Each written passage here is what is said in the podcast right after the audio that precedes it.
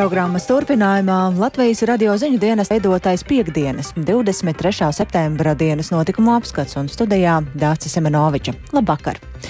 Vispirms ieskats dažos šī vakara raidījuma tematos. Latvijas banka koriģēja prognozes, ekonomika nākamgad stagnēs, cenas kāps straujāk ir nepieciešams tiešām pārdomāts atbalsts gan uzņēmējiem, gan iedzīvotājiem, lai šo enerģijas krīzi pārdzīvotu. Bet pats galvenais jautājums ir nepieciešamība veikt struktūrālas pārmaiņas ekonomikā. Streiku pieteikusi mediķu arotbiedrība veselības ministrijas aicinājumu runāties, ignorē arī otrajā piegājienā mediķiem atalgojumā pielikt klāt 364 miljonu eiro pēdējos gados. Māsas alga, kas iepriekš bija mazāka par skolotāju algu, tagad ir jūtami lielāka nekā skolotāja alga. Arī šogad algas pieaug. Un Krievijā izsludinātā daļējā mobilizācija var izrādīties daudz plašāka nekā sākotnēji izsludināts. Mutes aizveriet un uzvedieties pienācīgi Ko jūs visi bļaujat? Vīri, jūs visi tagad esat karavīri. Spēlītes ir beigušās.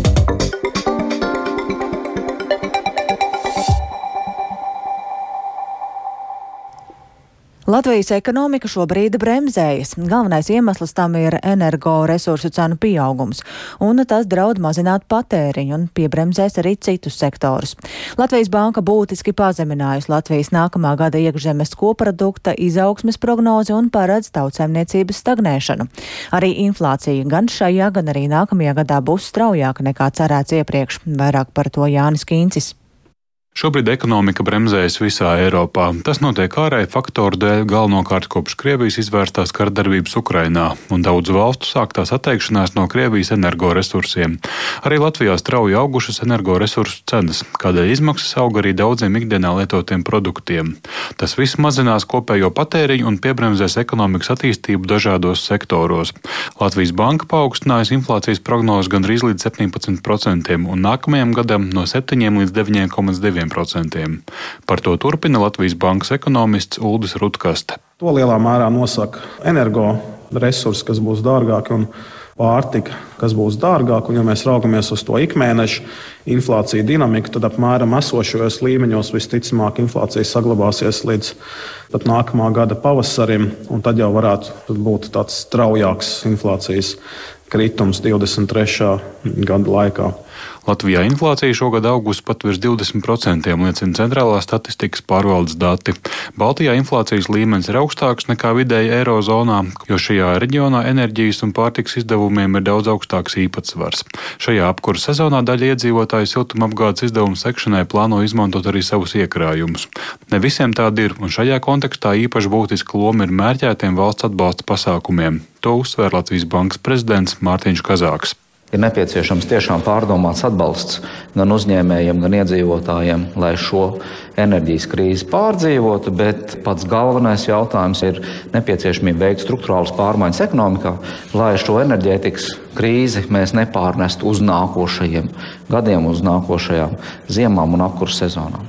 Fiskālais atbalsts ir nepieciešams, tam ir jābūt ātram, mērķētam, terminētam un arī saprātīgam, lai nekurinātu inflāciju vēl vairāk. Inflācija ļaujot iesakņoties, pēc tam no tās tikt vaļā, ekonomiski būs dārgāk. Latvijas ekonomika šai energoresursu izmaksu krīzē ir gatavāka nekā dišķibelē 2008. un 2009. gadā. Arī bezdarba rādītāji Latvijā saglabājas salīdzinoši zemi, norādīja Kazāks. Savukārt valsts atbalsta instrumentu klāstu paredzot arī turpināt aizņemties līdzekļus to īstenošanai, var vērtēt kā līdzvērtīgu citu valstu valdību lemtajam, piebilda ekonomists Uldis Rutkaste. Valdības atbalsta galvenā sūtība ir palīdzēt iedzīvotājiem ne tik daudz mehāniski samazināt šos inflācijas līmeņus. Ja, tas, tas, man liekas, ir daudz būtiskāk palīdzēt iedzīvotājiem, radīt tādu zināmu apdrošināšanu no šokējošiem um, energoresursu um, cenu pieaugumiem. Ja, atbalstīt tiešām tos vismazāk turīgos, kam šobrīd ir visgrūtāk, jo tieši mazāk turīgo iedzīvotāju patēriņā energoresursi un pārtika ieņem nu, teiksim, ļoti būtisku izdevumu daļu. Jā. Gaidāmajā apkuras sezonā fiskālais atbalsts mājsaimniecībām un uzņēmumiem būs teju 700 miljonu eiro. Vienlaikus energoresursu krīzes un globālās situācijas radītā nenoteiktība raisīs arī mājsaimniecību piesardzību dažādos tēriņos, prognozē Latvijas Banka. Jānis Kincis, Latvijas Radio. Pirms nākamnedēļ plānotā mediķu brīdinājuma streika veselības ministrijai arī ar otro piegājienu šodien neizdevās uz sarunām sagaidīt protesta rīkotāju Latvijas veselības un sociālās aprūpes darbinieku arotbiedrību. Arotbiedrība uzsver, ka ministrija aicinās tikai runāties, bet nepiedāvā konkrētu plānu streika novēršanai. Organizācija arī norāda, ka šonedēļ valdībā apstiprinātais darba samaksas modelis būtiski pasliktina mediķu darba samaksas nosacījumus. Veselības ministrs Daniels Pavļuts no attīstībai par savukārt atgādina, ka šī arotbiedrība ir vienīgā no daudzajām mediķu organizācijām, kas asi iebilst pret piedāvāto algu reformu.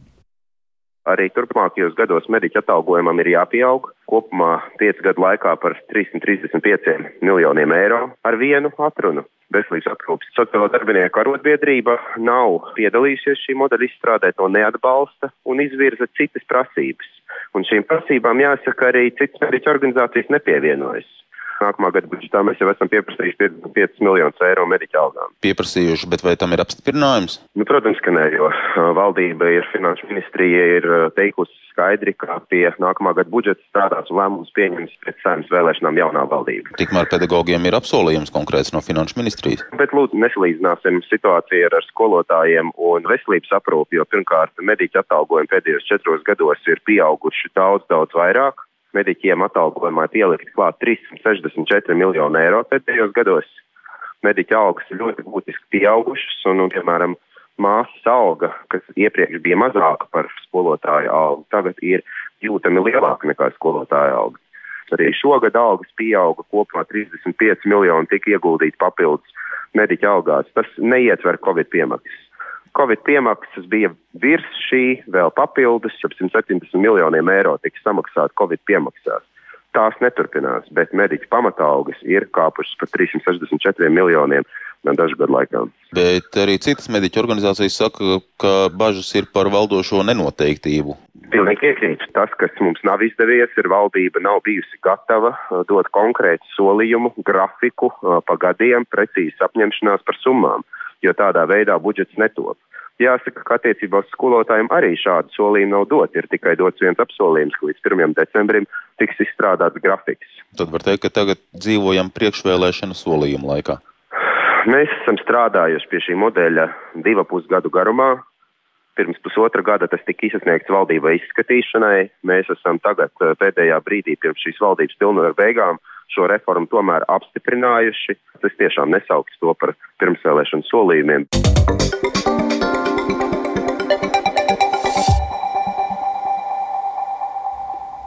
Par notikumiem citviet pasaulē Krievijā izsludinātā daļējā mobilizācija var izrādīties daudz plašāka nekā sākotnēji izsludināts.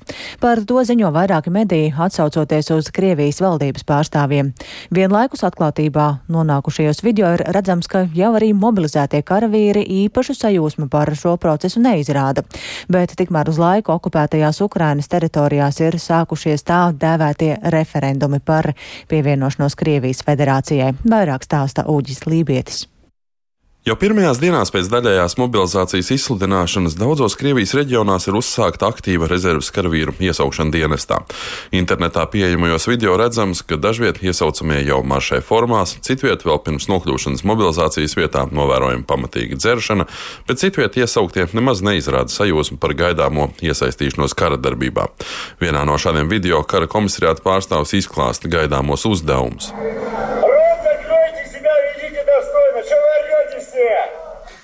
Mutes aizveriet un uzvedieties pienācīgi. Ko jūs visi bļaujat? Vīri, jūs visi tagad esat karavīri. Spēlītes ir beigušās. Jūs visi esat karavīri. Trīs dienas šeit, osta, divas nedēļas sagatavošanās līdz apakšvienību nokomplektēšanai. Alga kā līguma karavīram, virsniekam vai praporšķikam atkarībā no jūsu pakāpes. Kauju izmaksas kā karadarbības dalībniekiem līdz spēcoperācijas beigām. Kādi jautājumi?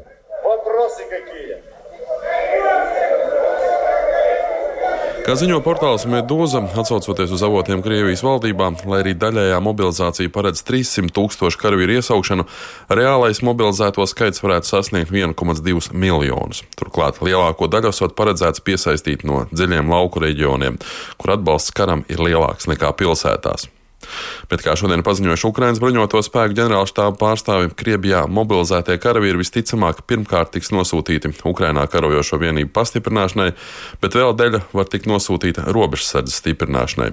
Kā paziņojis brigādes ģenerālis Aleksējs Gromovs, pirmā fāze varētu turpināties mēnesi pusotru. Un pēc viņu vārdiem mobilizēti visvairāk tiks seržanti un ierindnieki, kā arī jaunākie virsnieki, jo tieši šajos spēkos ienaidniekam ir vislielākie zaudējumi. Gromovs arī paudis pārliecību, ka tik steidzama mobilizācija liecina par iekšējiem un ārējiem draudiem Putina režīmam. Жители Калининского района. Избирательная комиссия Bet tikmēr uz laiku okupētajās Ukrainas teritorijās šodien sākās tā dēvētie referendumi par pievienošanos Krievijas federācijai. Atsliecinieku video liecina, ka vēlēšanu iecirkņi ir organizēti gan dažādās skolās, kultūras namos un citās iestādēs, gan māju pagalmos, kur ar skaļruņu palīdzību iedzīvotāji tiek aicināti nodot savas balsis. Tā dēvēto vēlētāju aktivitāte gan ir salīdzinoši maza. Tikmēr Ukraiņas sociologi šodien publiskojuši datus par iedzīvotāju attieksmi pret pievienošanos Krievijai, un kā norāda izdevums Ukraiņas pravda, atsaucoties uz Kijavas Starptautisko socioloģisko institūtu, arī 2014. gadā vairums Donetskas un Luhanskas apgabala iedzīvotāji jau bija pret pievienošanos Krievijai, taču šis pārsvars toreiz bija mērāms dažos desmitos procentu. Taču pagājušajā un šajā gadā veiktās aptaujas jau liecina, ka par neatkarīgu Ukrainu iestājas vairāk nekā 80% valsts iedzīvotāju. Visticamāk gan, ka šo referendumu rezultāti parādīs pilnīgi pretēju viedokli. Atgādinām, ka daudzas rietumvalsts un starptautiskās organizācijas jau ir paziņojušas, ka šo referendumu rezultātus neatzīs. Uģis Lībijams, Latvijas Radio. Ungārijā rīkos iedzīvotāju aptauju par Eiropas Savienības sankcijām pret Krieviju. Valdošie politiķi Budapeštā pēdējā laikā ar vien skaļāk runā, ka sankcijas, kas skar enerģētiku, vairāk kaitē Eiropai nekā Krievijai. Tādēļ iedzīvotājiem uzdos jautājumu, vai viņi šādus pasākumus atbalsta.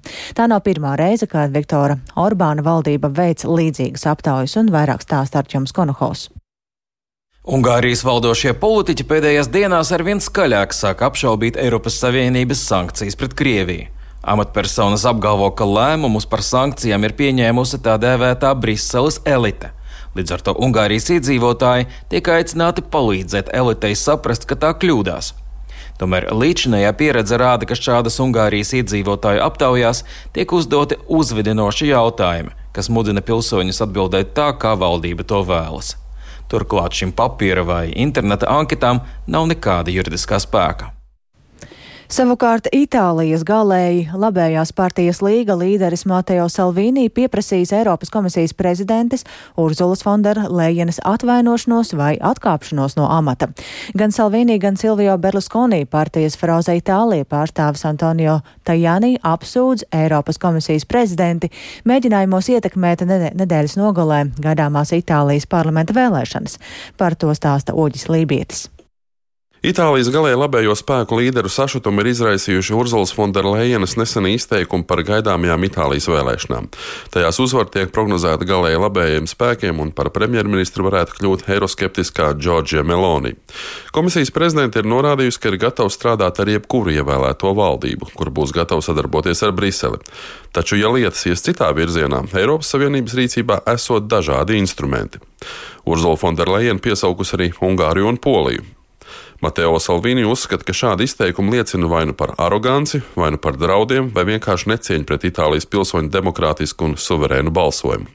Eiropas komisijas pārstāvi gan ir norādījuši, ka Urzula Fonderleina Itālijas vēlēšanu iznākumu ietekmēt noteikti nevēloties.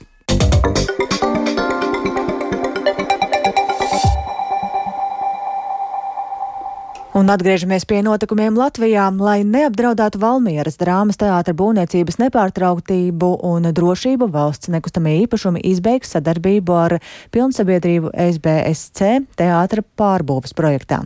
Steidzamības kārtā rīkošot jaunu iepirkumu, bet teātra kolektīvam vajadzīgās pagaidu telpas sagādāšot pašvaldība.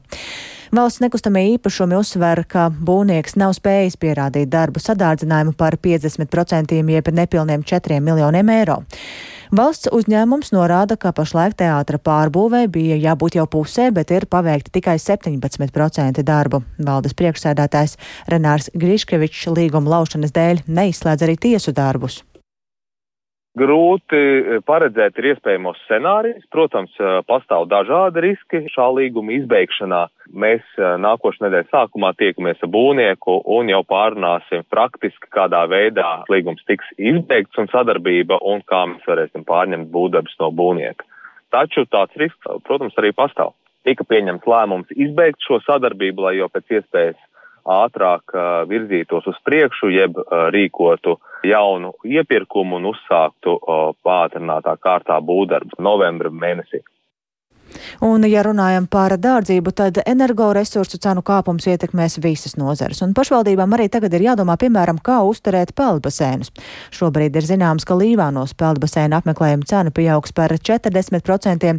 Lūdzas pašvaldība savukārt par izmaiņām vēl domās. Lūdzā peldbaseinu uzbūvēja pirms diviem gadiem par 2,8 miljoniem eiro, ņemot aizņēmumu valsts kasē. Vairāk Lāsmas Zutas Vītols sagatavotajā ierakstā. Lūdzas peldbaseins ir atvērts, un šobrīd tajā var gan peldēties, gan sildīties pirtīs. Skolēniem notiek arī peldēšanas nodarbības, kas atsāksies oktobrī. Peldēšanas stundas ir nevien pilsētas, bet arī novada skolēniem. Peldbaseina galvenā administratore Olita Laganovska stāsta, ka Lūdzas peldbaseinu apmeklē cilvēki arī no blakus esošajām pašvaldībām. Peldēties nāk arī seniori. Apmeklētāju skaits gan esot mainīgs. Vidēji dienā kaut kur ap simt cilvēki, bet sākoties peldsezonai, e, tad apmeklētāju skaits ir krasi samazinājies. Peldbaseins tika atklāts 2020. gada sākumā, un jāteic, baseins ilgstošā periodā nav varējis nemaz strādāt normālā režīmā. Ir pārdzīvots Covid laiks ar ierobežojumiem, taču tagad, pieaugot energoresursu cenām, priekšā nākamais izaicinājums Arī mēs ieviesam energotaupības pasākumus. Protams, gaisa un ūdens temperatūru mēs samazināt nevaram. Baseina apmeklējuma cena tika palielināta jau martā, un pagaidām nekādu citu ziņu no pašvaldības par gaidāmām izmaiņām baseina darbībā nav. Taču, kā norāda novadu pašvaldības izpildu direktors Sergejs Jakoļevs, par to tiks domāts jau tuvākajā laikā. Līdz jaunajam gadam pašvaldībai ir noslēgts izdevīgs līgums par elektrības piegādi, taču no jaunā gada cena būtiski pieaugs, un ar to ir jārēķinās. Vai turpmāk darbināt viņu, vai nu tomēr no jaunā gada, vai, vai vēl pat ātrāk pārtraukt pakalpojumu. Savukārt Līvānos peldbaseinu uzturēšanai šogad ieplānoti 170 tūkstoši eiro no pašvaldības budžeta. Lai iekļautos šai summai, ir ieviesis taupības režīms, kurien iespējams ekonomē stāsta Līvānu pirmās vidusskolas direktors Gatis Pastars balansa meklēšana starp to izdevumu pieaugumu un starp to ekonomiju, lai mēs tiešām to gadu pabeigtu nu, tā, kā budžetā mums ieplānots. Baseins apmeklētājiem oktobrī kļūs dārgāks par aptuveni 40%. Kā uzsver Līvānu pirmās vidusskolas direktors, ir svarīgi, lai peldbaseins turpinātu darbību skolēnu dēļ. Ja tas cenu kāpums būs neierobežots un nekontrolēts, tad loģiski, ka vienā brīdī mēs varam apsēsties pie galda un skatīties, ko mēs darām tālāk. Taču šobrīd par to netiek domāts. Iedzīvotājiem vien jārēķinās, ka pieaugs apmeklējuma cena. Lūdzās savukārt par izmaiņām vēl spriedīs. Lāsma Zuta Vītola Latvijas radio studija Latgalē. To, ka mēs joprojām izmantojam Krievijas fosilos resursus, tādā veidā atbalstot karu Ukrainā, aktualizē organizācija Friday for Future Latvija, rīkojot piketu Rīgā kongresnam laukumā pretī Krievijas vēstniecībai. Tādi piketi šodien notiek visā pasaulē, lai pievērstu uzmanību globālajai klimata krīzai, un arī Latvijā ir jārīkojas, lai mazinātu ietekmi uz klimatu, tā saka organizācijas pārstāvis Santa Skuiņa, ar kuru sarunājās Linda Spundiņa. Protesta akcija ir daļa globālā klimata streika. Nu, jau šobrīd šķiet četrus gadus, diemžēl. Šie globālie streiki notiek visā pasaulē vienotā norunātā laikā. Un uh, jēga un mērķis ir pievērst uzmanību tam, ka mēs dzīvojam būtībā laikā, kurā jau ir faktiski klimata krīze. Mēs jau šobrīd esam krīzes stāvoklī un ir ļoti, ļoti steidzami jārīkojas um, valdību līmenī, lai kaut ko vēl saglābtu. Ko Latvija var darīt situācijas labā? Kas Latvijai noteikti ir ļoti sāpīgs, ir um, nesenās izmaiņas saistībā ar koku ciršanas uh, ierobežojumiem, jo, diemžēl, Eiropas Savienība ir izdomājusi, ka, lūk, dedzināt koksni elektrības ieguvēji ir zaļā enerģija, jo koki taču kaut kad nebūtu atauga, un tāpēc šobrīd ļoti, ļoti ir jāciet uz Igaunijas dabu, un tagad pēc šīm pārmaiņām šovasar arī Latvijas mežiem draud diezgan nepatīkams pārmaiņas. Kādi ir alternatīvie enerģijas resursi, ko jūs atbalstītu? Noteikti vēja un saules enerģijā ir jāiegūda daudz vairāk un nedrīkst tā būt situācija, ka tiek subsidēta vienkārši brutāla koksnes dedzināšana enerģijas ieguvēja. Tīpaši tagadējā situācijā saistībā jau ar to, ka Krievijas gāze nav pieejama, tas, ka Latvijas vidusmēra cilvēkam, kuram ir mākslas apkuri vai konkurēt ar savu pirktspēju ar Skandināvijas valstu, Nīderlandes, šīm koģenerācijas stacijām, kas pērk kūksnes biomasu elektrībai, tas, tas ir absurds. Mums stāsta, ka mums ir augsta ziema un ka mums ceļās cenas kara dēļ, bet patiesībā tas ceļas tādēļ, ka šīs koksnes granulu rūpnīcas nevar iepirkt lēto materiālu no Baltkrievijas un Krievijas. Atgādināšu, ka šodien jūs piketējat pretī Krievijas vēstniecībai. Šī vieta izvēlēta ar nolūku. Jā, protams, tas ir ar nolūku, jo mums ir izveidojusies cieša draudzība sadarbība ar Fridays for Future organizāciju Ukrainā. Un uh, viens no vēstījumiem, ko viņi uzsver un arī vairāk cenšas parādīt pasaulē, ir tieši šī ciešā saikne starp naftas un gāzes izmantošanu un apdraudējumu gan demokrātijai, gan arī vispār mieram pasaulē. Jo, ja paraugās tādā šķērgriezumā pēdējos 50, 60 gadus, nav bijis tāds brīdis pasaulē, kad kaut kur nekaro naftas vai gāzes dēļ. Tāpēc arī pretī Krievijas vēstniecībai, jo Eiropas atkarība no Krievijas resursiem radīja šo situāciju, ka mums ir karš Eiropā šobrīd.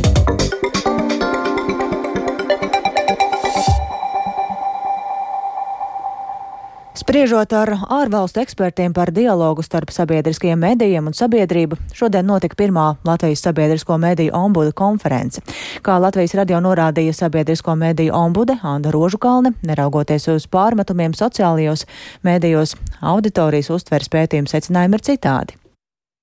Augsts, kur pētījums parādīja īstenībā pārsteidzošs rezultāts, kas ir pretēji varbūt kādreiz sociālajās platformās adresētiem pārmetumiem, ka sabiedrisko mediju kvalitāte tiek ļoti augstu vērtēta, ka sabiedrības sagaida, ka sabiedrisko mediju saturs būs plašāks, principiālāks, atbildīgāks, daudzveidīgāks nekā citos medijos varbūt prasa lielāku atraktivitāti, tādu ātrumu, spilgtumu, bet eh, kopumā pētījums parāda, ka ļoti daudzu iedzīvotāju ikdienā sabiedriskie mediji ir ārkārtīgi nozīmīgi, Un vēl šogad jau septīto reizi notiek skatuves mākslas festivāls teātris ir visur kuldīgā. Trīs dienas festivāls apdzīvo jau labi zināmas telpas kuldīgā un arī rada jaunas vietas teātra festivāla norisē. Un pasākuma programma ir piesātināta, dažādām auditorijām piemērota un to nedaudz ieskicē festivāla rīkotāja Dāna Bjorka. Šogad mēs vedīsim deviņus pasākumus, izrādes. Ciemosies Dailas teātris ar izrādi Alpa, ciemosies Valmieras drāmas teātris ar 21. gadsimta absurdu izrādi Rinda. Mihaila Čehova Rīgas Krievu teātris piedāvās um, dramatisku izrādi 1900. Uh, leģenda par pianistu. Pie klavierēm būs pats Uldis Marhilēvičs. Sajūta teātris piedāvās uh, izrādi grāmata zīme par aizliegtajām grāmatām. Un šo izrādi varēs baudīt, izmantojot visas savas maņas un sajūtas, kas padarīs šo izrādi īpašu.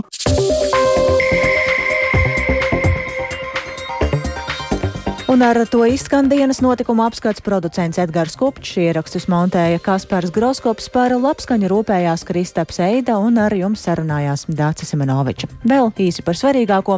Latvijas banka koriģē prognozes, ekonomika nākamgad stagnēs, cenas kāps straujāk. Streiku pieteikusi mediķu arotbiedrība veselības ministrijas aicinājumu runāties ignorē arī otrajā piegājienā.